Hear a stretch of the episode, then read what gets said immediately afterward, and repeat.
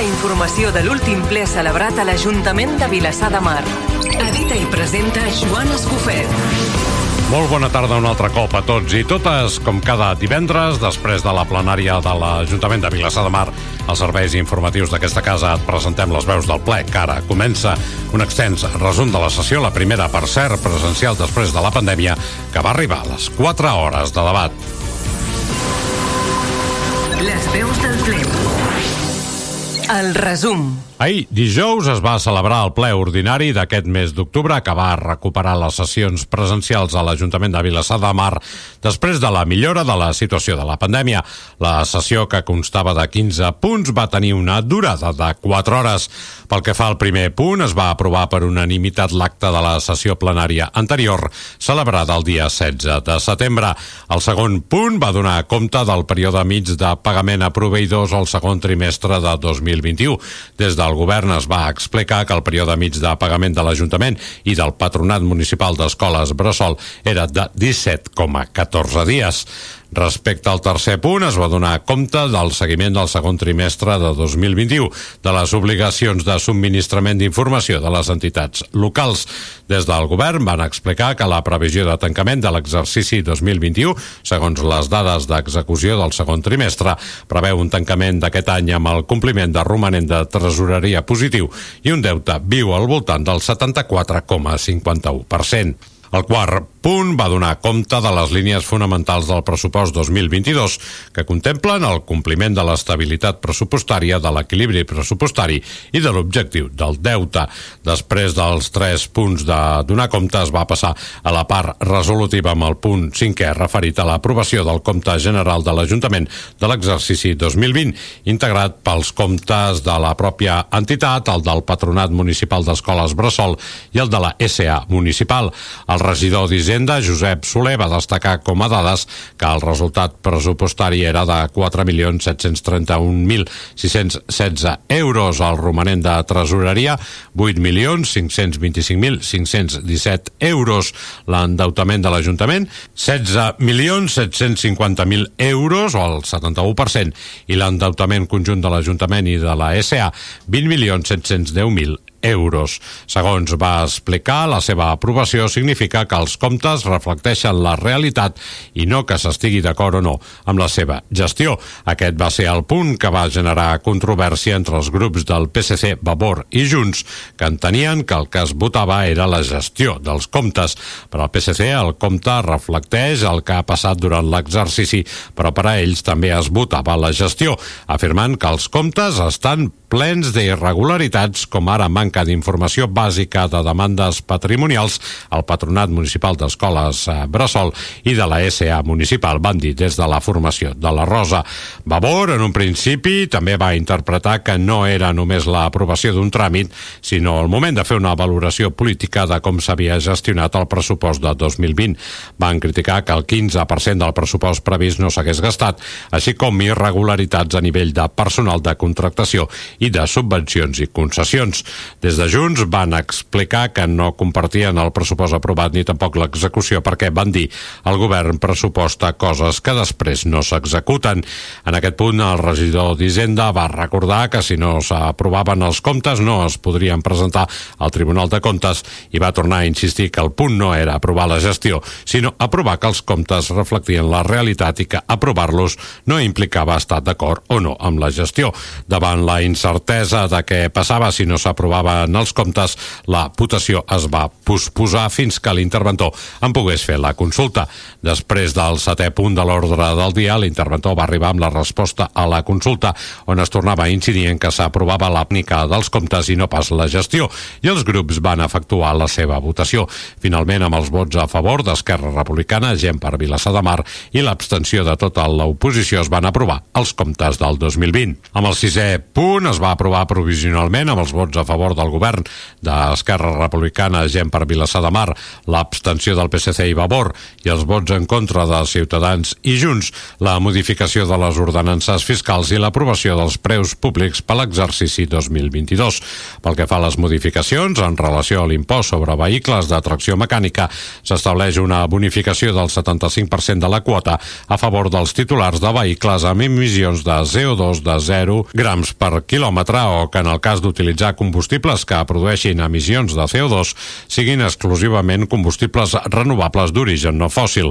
En relació al preu públic, 0,3 per la prestació de serveis en l'àmbit cultural i social, s'incorporen nous preus públics proposats pel Departament de Joventut i de Cultura de l'Ajuntament per millorar la gestió global de les activitats programades i permetre fer una proposta més àmplia d'activitats. Ciutadans va votar en contra, no per les modificacions que es portaven a aprovació, que no representen canvis profuns, segons el seu portaveu Juan Díaz, sinó per les que no es presentaven relacionades amb l'IBI, el medi ambient o l'habitatge. Des del PSC es van abstenir, segons el seu portaveu Quico Zamora, són modificacions menors i pel seu grup les ordenances fiscals s'han d'abordar en el seu conjunt i adaptar-les a l'actualitat després d'una pandèmia. Des de Vavor es van abstenir pel tema de la bonificació del 75% als cotxes elèctrics perquè ells estaven d'acord sempre i quan fos una bonificació per família, ja que des del seu grup volen promoure una mobilitat que vagi més enllà del cotxe. Junts va votar en contra, criticant que el govern no ha fet res per abaixar l'IBI i afirmant que l'Ajuntament té un marge per baixar el percentatge que s'aplica sobre el valor cadastral perquè la ciutadania no hagi de pagar més quota de l'IBI. El setè punt, l'inventari general de béns i drets de la corporació a data de 31 de desembre de 2020 es va aprovar amb els vots a favor de tots els grups, a excepció de Vavor, que es va abstenir. El vuitè punt, el pagament de les factures d'Urbacer per la neteja viària del mes d'agost no es va aprovar. Només va votar a favor d'aprovar-les el govern d'Esquerra Republicana, gent per Vilassar de Mar. Ciutadans es va abstenir i PSC, Vavor i Junts van votar en contra. Es tractava de dues factures per un valor total de 222.674 euros. Des de Ciutadans que es van abstenir es va recordar que operar sense contracte en vigor no es pot mantenir de manera indefinida, però que l'Ajuntament està obligat a pagar pagar el servei prestat. Des del PSC es va votar en contra, no ha estat d'acord amb l'informe presentat de com es presta el servei, ja que no queda garantit que s'estiguin complint els serveis d'acord amb el contracte.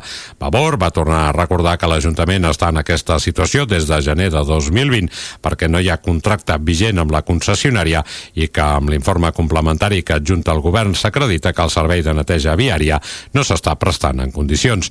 Des de Junts també van afirmar que la neteja és deficient i que també els havia sorprès un cronograma adjunt a l'informe amb terminis irreals, van dir, com el fet que quan des del govern tingui preparat el plec de clàusules administratives i tècniques del nou contracte, l'oposició tindrà només una setmana per estudiar-lo.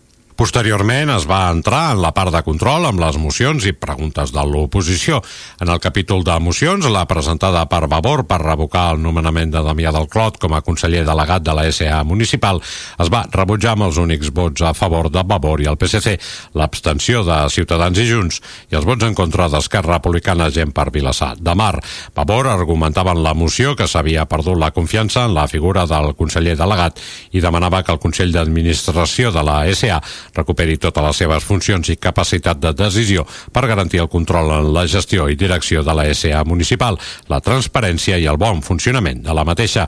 Segons Vavor, la improvisació en la seva gestió ha costat diners posant com a exemple el projecte de Can Vives, l'aparcament del mercat municipal o les zones blaves. Vavor també va explicar a la plenària que es van assabentar per les xarxes socials que la SA municipal pretenia desnonar a una família resident als habitatges de protecció oficial de les Pinedes, una decisió presa pel conseller delegat sense informar la resta de partits polítics i membres del Consell d'Administració de la SA municipal.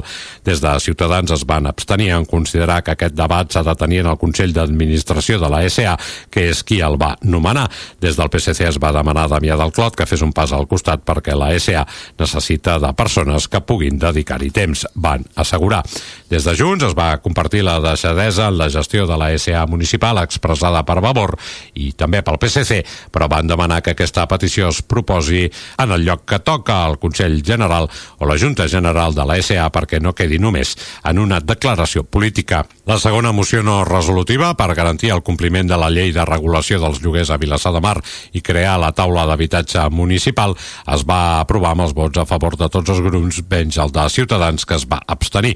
La moció de Pavor proposa a l'Ajuntament analitzar periòdicament els anuncis de lloguer a Vilassar de Mar i el seu compliment amb les exigències establertes per la llei de lloguers de Catalunya i d'altres en matèria d'habitatge, posar-se en contacte amb els anunciants que no compleixin, denunciar a l'Agència de l'Habitatge de Catalunya els anuncis de lloguer que incompleixin la normativa vigent i els anunciants que es neguin a complir amb la totalitat de les obligacions, fer públic amb caràcter trimestral un informe de les actuacions realitzades en matèria de control d'aplicació i compliment de la llei 11 barra 2020 amb indicació dels incompliments detectats, rectificacions i denúncies formulades i dur a terme una campanya informativa que arribi a totes les cases de Vilassar de Mar sobre aquesta qüestió.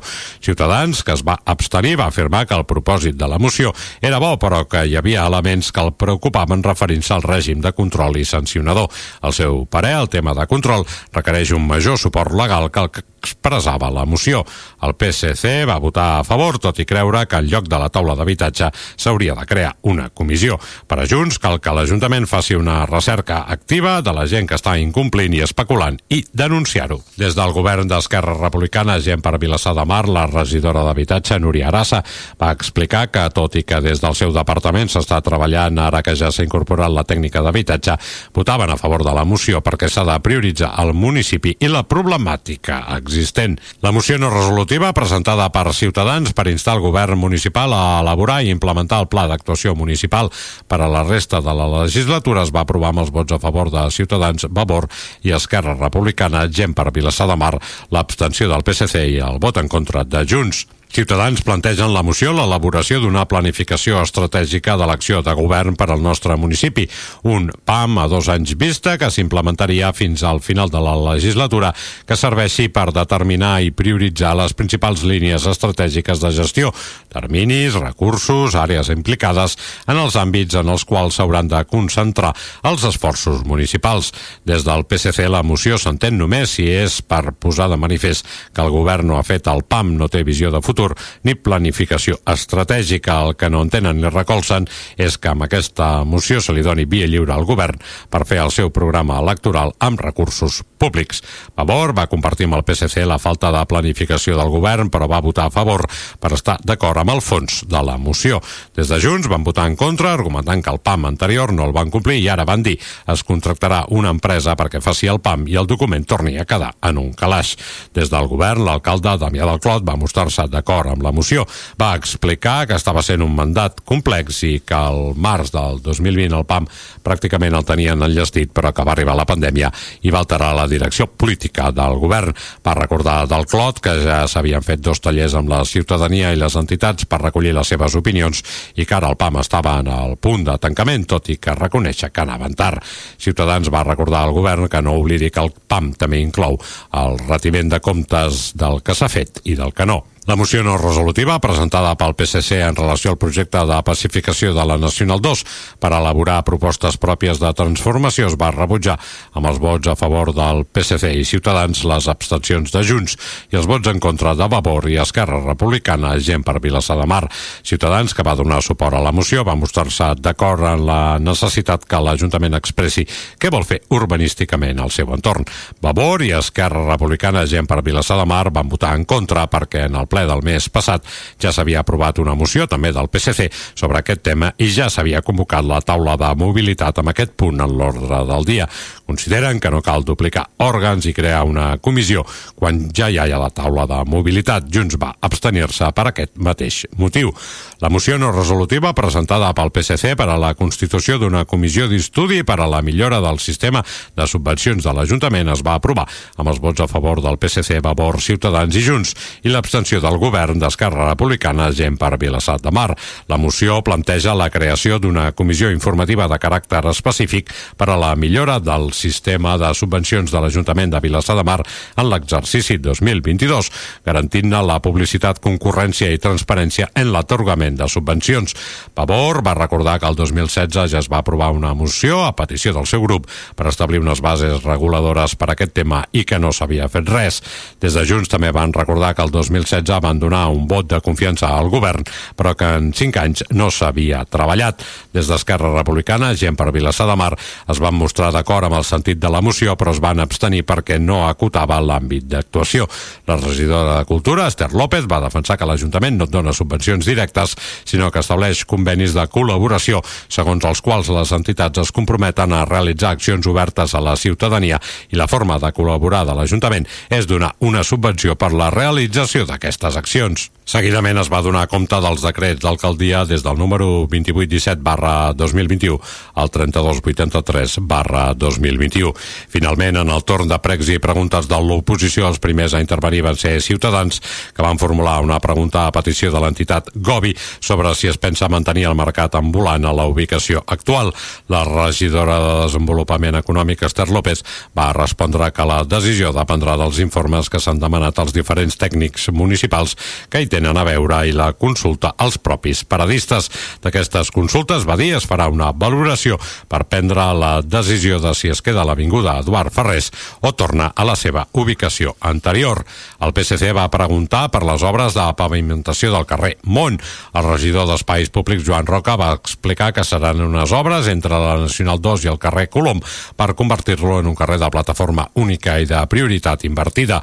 El PSC també es va interessar pel canvi de la tanca de seguretat de la deixalleria del Camí del Mig i el mateix regidor de govern li va respondre que estava previst, segons el que li havien comentat, per al gener de 2022.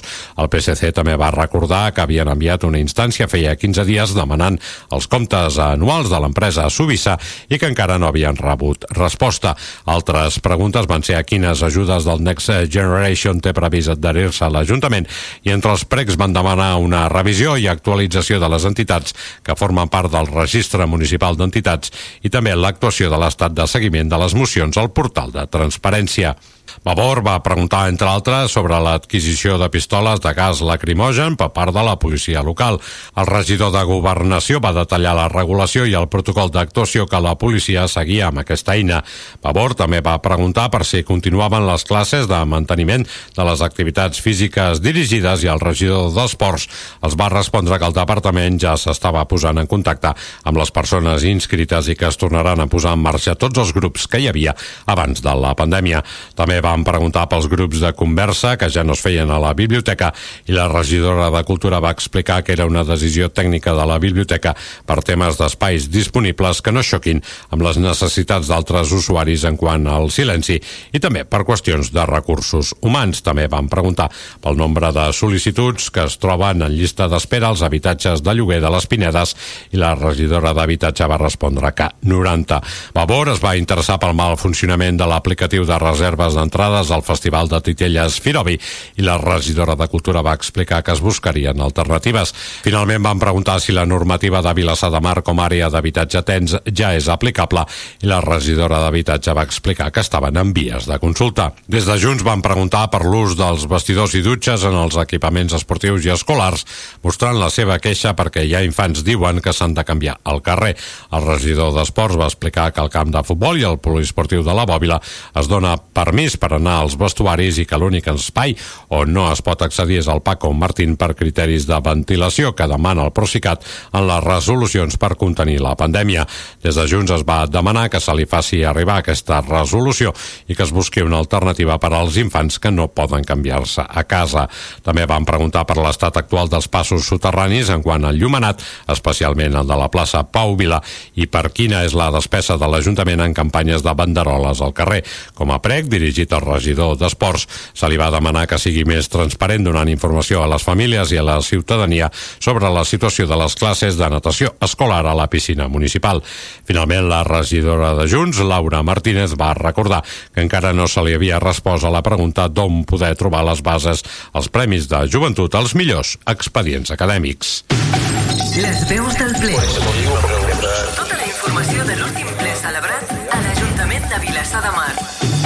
Després d'aquest extens resum que acabes d'escoltar de tot el que va donar de si la plenària de l'Ajuntament de Vilassar de Mar celebrada ahir i per primer cop de manera presencial després de la pandèmia, arriba el moment ara de donar veu als representants de les diferents formacions polítiques amb representació municipal.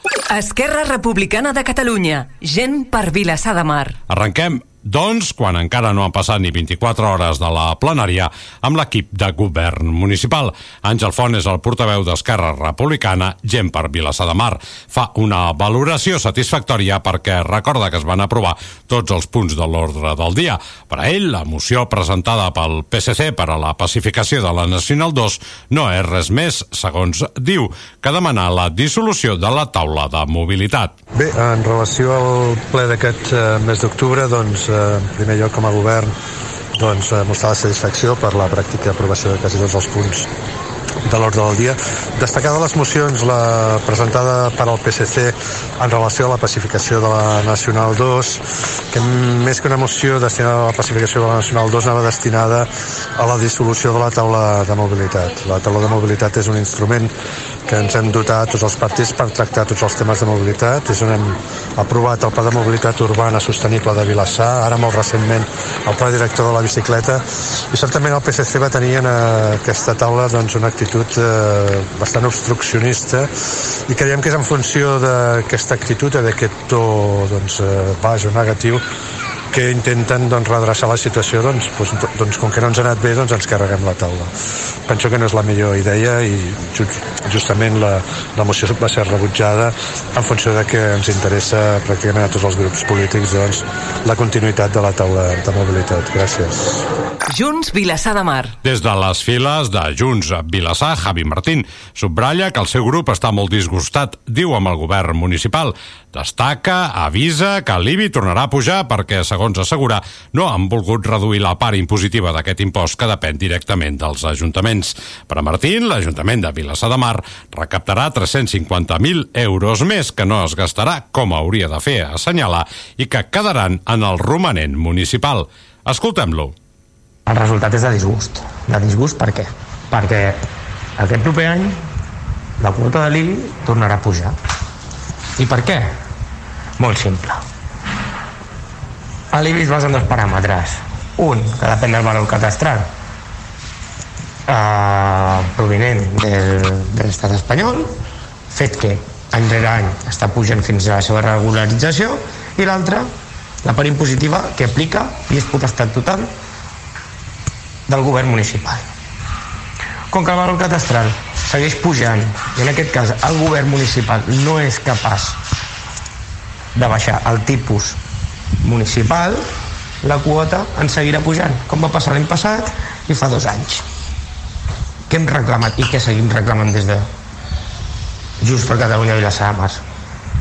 Que aquest equip de govern tenia la potestat de reduir aquest tipus impositiu per equilibrar la, la balança de la pujada del valor cadastral i no pagar més quota. Com sempre, no cas omís, no hem fet res, cas omís a les nostres uh, peticions que hem formulat una altra vegada per escrit i, i això comportarà bueno, que paguem més, com sempre.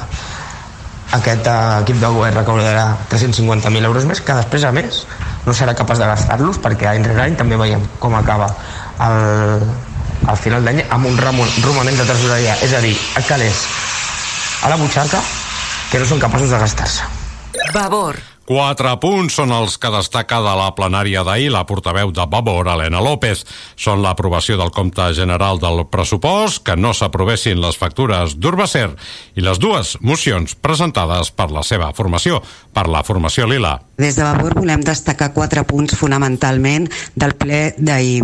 En primer lloc, l'aprovació del compte general referit a l'execució del pressupost 2020, eh, malgrat les importants crítiques de tots els grups de l'oposició referides a la, a la gestió de l'execució d'aquest pressupost, el compte general va tirar endavant per entendre que és un requisit merament formal per poder enviar els comptes a la sindicatura de comptes. En segon lloc, eh, per primer cop el plenari no va aprovar les factures de, de la prestació del servei de recollida d'escombraries i neteja viària. Aquest és un fet molt important perquè el plenari no va validar aquestes factures i no obstant això eh, el regidor de Medi Ambient va romandre impassible i no va fer cap eh, intervenció per donar un mínim d'explicació davant les crítiques de tots els grups de l'oposició. No entenem quina és la postura de la regidoria davant d'aquest tema tan important.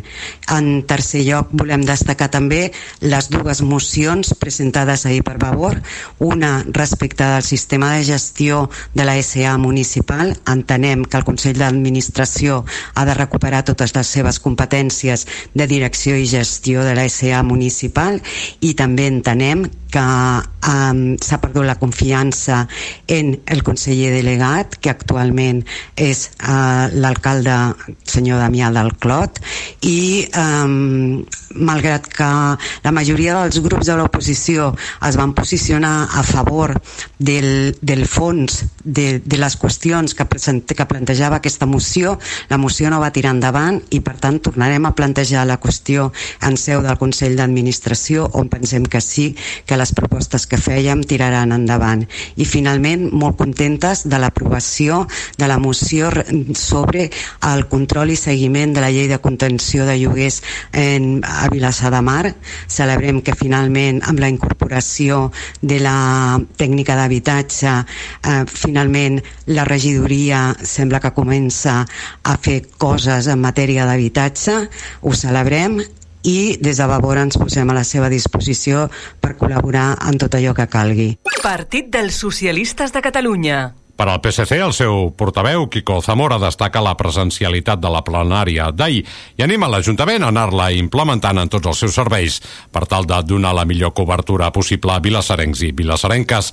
El líder de la formació de la Rosa Local destaca el rebuig al pagament de les factures d'Urbacer, subratllant la decidesa i la brutícia que, segons ell, hi ha a Vilassar de Mar. Es mostra contrariat també pel rebuig de la moció presentada pel seu partit encaminada a crear una comissió per treballar i pensar com de ser la futura Nacional 2. Ahir vam reemprendre els plens presencials al nostre Ajuntament el qual és un signe de tornar a la normalitat que ens ha de fer estar contents. Vam demanar que aquesta normalitat s'estengui a tots els departaments de l'Ajuntament i els ciutadans puguin gaudir dels serveis municipals d'una manera ja plena.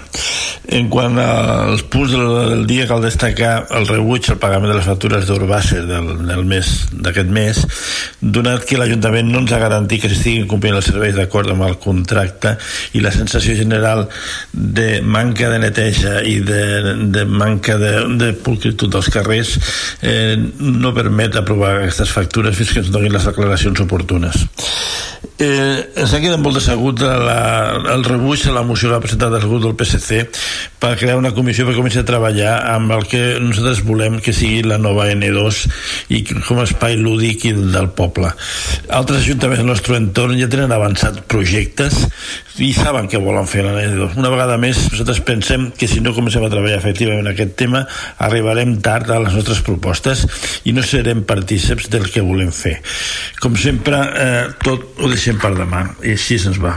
Ciutadans. Finalment, Juan Díaz, portaveu de Ciutadans, insisteix en que el govern municipal va sense model de poble, sense rum i sense una línia coherent. També alerta que l'IBI seguirà pujant i assegura que l'equip de govern se li està fent molt llarga la legislatura.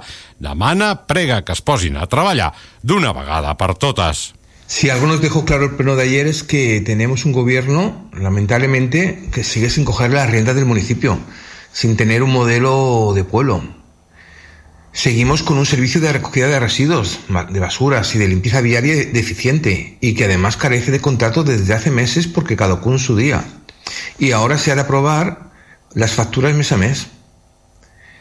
Nos presentan aprobación, una aprobación de modificación de unas ordenanzas fiscales, pero no se acomete la ordenanza fiscal por antonomasia, que es la de IBI, la de IBI, la de la contribución Una contribución que sigue, un IBE que sigue subiendo cada año y el año que viene volverá a subir y, no hacen nada.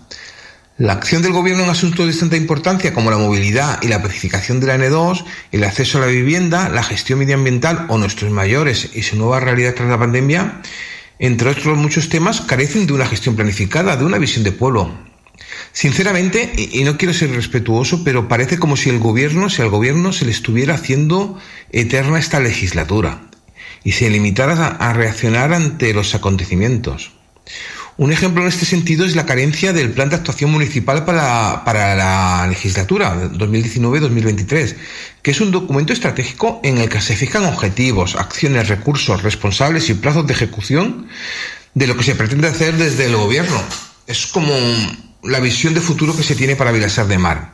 Pues bien, en Vilasar de Mar no, no lo tenemos, no hay una línea coherente y pensada de gestión sobre un proyecto modelo de pueblo. Ciudadanos presentó ayer una moción denunciando esta situación y requiriendo al Gobierno que active un plan estratégico de gestión, un PAN para los dos años de, de, legislatura que quedan, para que el Gobierno salga de la contemplación de una vez por todas y acometa con determinación y planificación la solución de los importantes problemas y necesidades que tiene nuestro pueblo.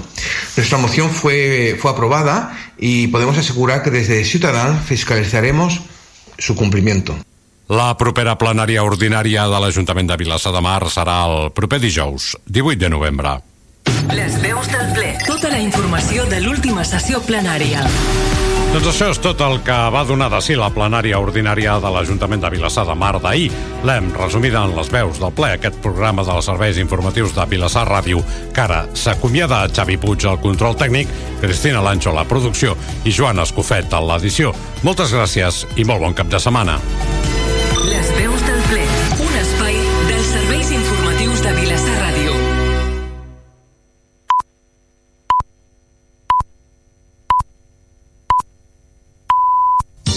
Vilassar Ràdio són les dues de la tarda.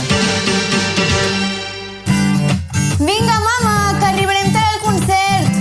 Ja vinc. Protecció Civil